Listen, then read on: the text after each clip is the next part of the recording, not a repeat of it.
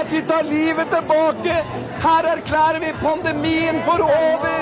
Den festen bare fortsetter og fortsetter og fortsetter. og Det blir ingen ende ta, altså. Og her er, er folk på danser. Dette var oss for under to måneder siden. Men nå har regjeringen innført nye nasjonale tiltak. Hva er det som har skjedd? Var vi ikke ferdige med pandemien? Jeg er Anna Magnus.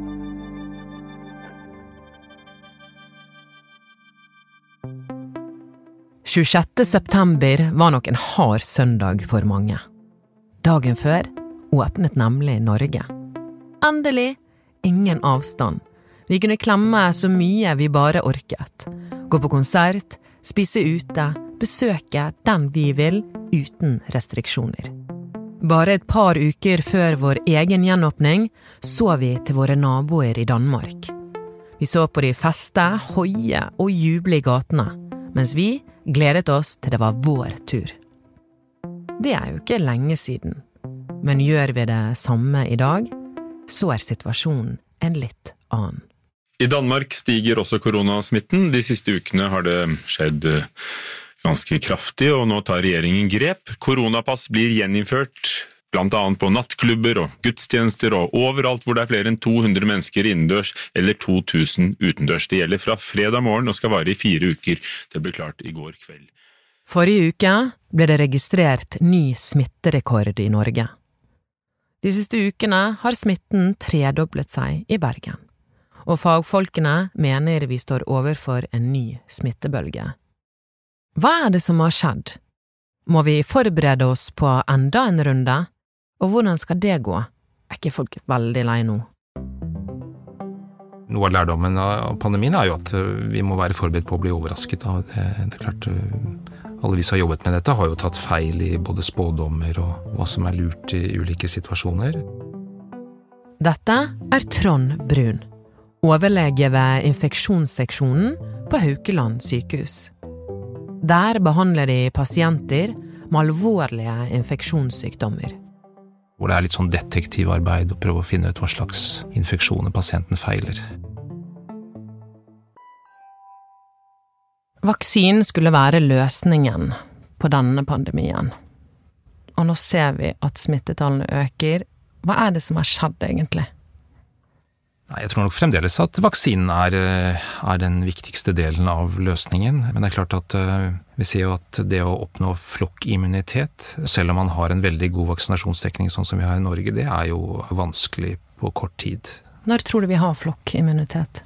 Nei, Jeg tror nok vi har uh, på mange måter sett det verste av pandemien, og at immuniteten i befolkningen nå vil gradvis bli bedre, både pga. vaksine og det at man gjentar doser. Mange har også etter hvert hatt covid og, og utvikler immunitet på den måten. Sånn at det vi, vi, tror og håper på, er jo at dette koronaviruset blir som en uh, mer vanlig luftveisinfeksjon, da, eller forkjølelse.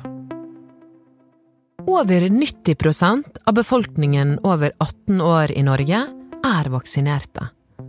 Hvordan er det egentlig da mulig at vi står ovenfor en ny bølge? Nei, nå har det nok eh, ganske mye å gjøre med at de fleste barn ikke er vaksinert. Det blir mye smitte blant barn i den perioden vi er inne i nå. og Det må vi jo regne med denne vinteren her. Da vil jo smitten fra barn spre seg til eh, voksne som har eh, enten dårlig vaksineeffekt, eller at vaksineeffekten har avtatt, eller, eller voksne som er uvaksinert. Er det et problem at smitten øker? Ikke helt på samme måte som tidligere. Under tidligere bølger har det jo vært en veldig nær sammenheng mellom antall smittede og antall alvorlig syke. Men nå ser vi jo at selv om smitten øker mye, så øker ikke de alvorlig syke i samme grad. Og det skyldes jo at eh, de fleste voksne og eldre, som jo er mest utsatt, eh, er vaksinert. Hvis flokkimmunitet er målet, Hvorfor prøver vi da å begrense at barn skal bli smittet? Jeg tror nok veldig mange barn vil før eller siden få dette koronaviruset hvis de, hvis de ikke er vaksinert. Eh, nå vaksineres det jo en del barn også fra tolv år og oppover. Grunnen til at vi ikke ønsker at smitten skal løpe helt fritt i befolkningen, er jo at eh, hvis du får veldig mange smittede blant barn og unge og uvaksinerte, så vil eh, det også bli en god del som får alvorlig sykdom. Opp mot halvparten av de som har blitt smittet i Bergen nylig, var fullvaksinerte. Trond forteller at vaksinen får mindre effekt etter seks til åtte måneder. De eldste fikk vaksinen først, og flere skal nå få sin tredje dose. Betyr dette at vi må ta koronavaksiner livet ut? Det vet vi jo ikke helt. Eh, vi tror vel at eh, alle på et eller annet tidspunkt bør ha en tredje dose.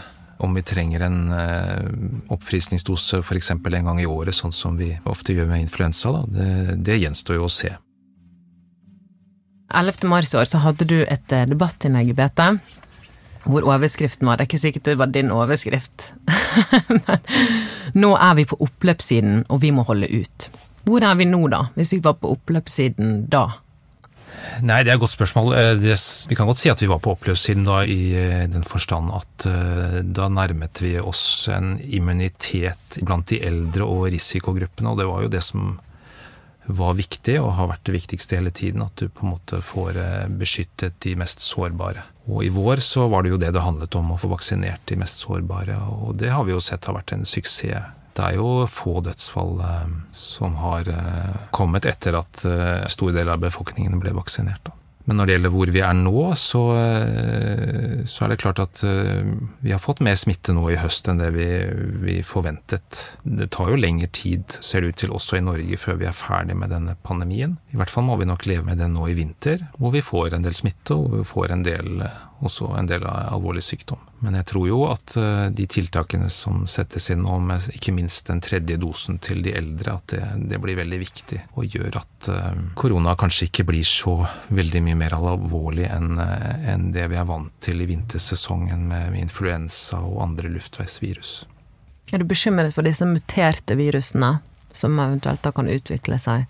Det er klart, det er jo en joker som vi ikke helt kan forutsi om vi får muterte virus som vaksinene virker dårlig mot.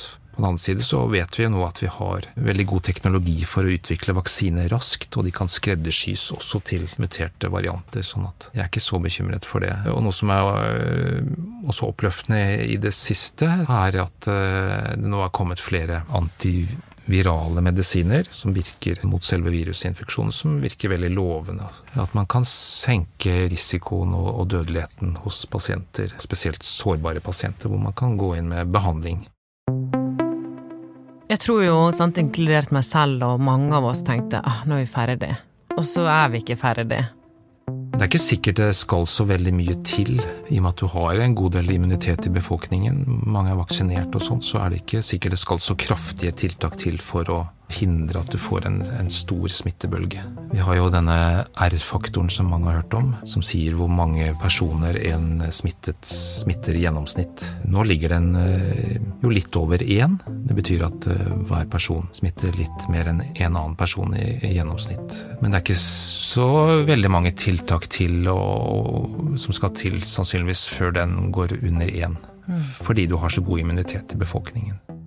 Hva kan vi forvente oss fremover? Må vi avlyse alt igjen?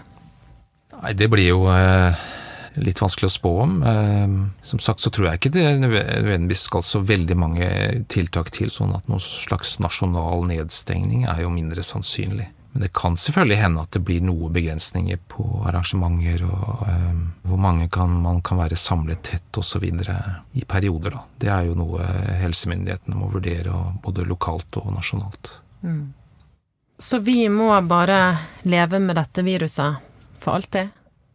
Det må vi nok i en forstand, men jeg tror nok etter hvert at det vil bli en, eh, en eh, uskyldig virusinfeksjon for de fleste av oss. Sånn at jeg tror ikke vi kommer til å snakke om akkurat dette viruset spesielt eh, når denne pandemien er over. Når tror du den er over? Nei, Akkurat i Norge så vil jeg tro at, at det verste er gjort når vi er ferdig med vinteren nå. Men det er klart internasjonalt så vil det jo ta lengre tid. Du har hørt Hva skjedde? En podkast fra Bergens Tidende. Denne episoden er laget av Anna Offstad, Arve Stigen og meg, Anna Magnus.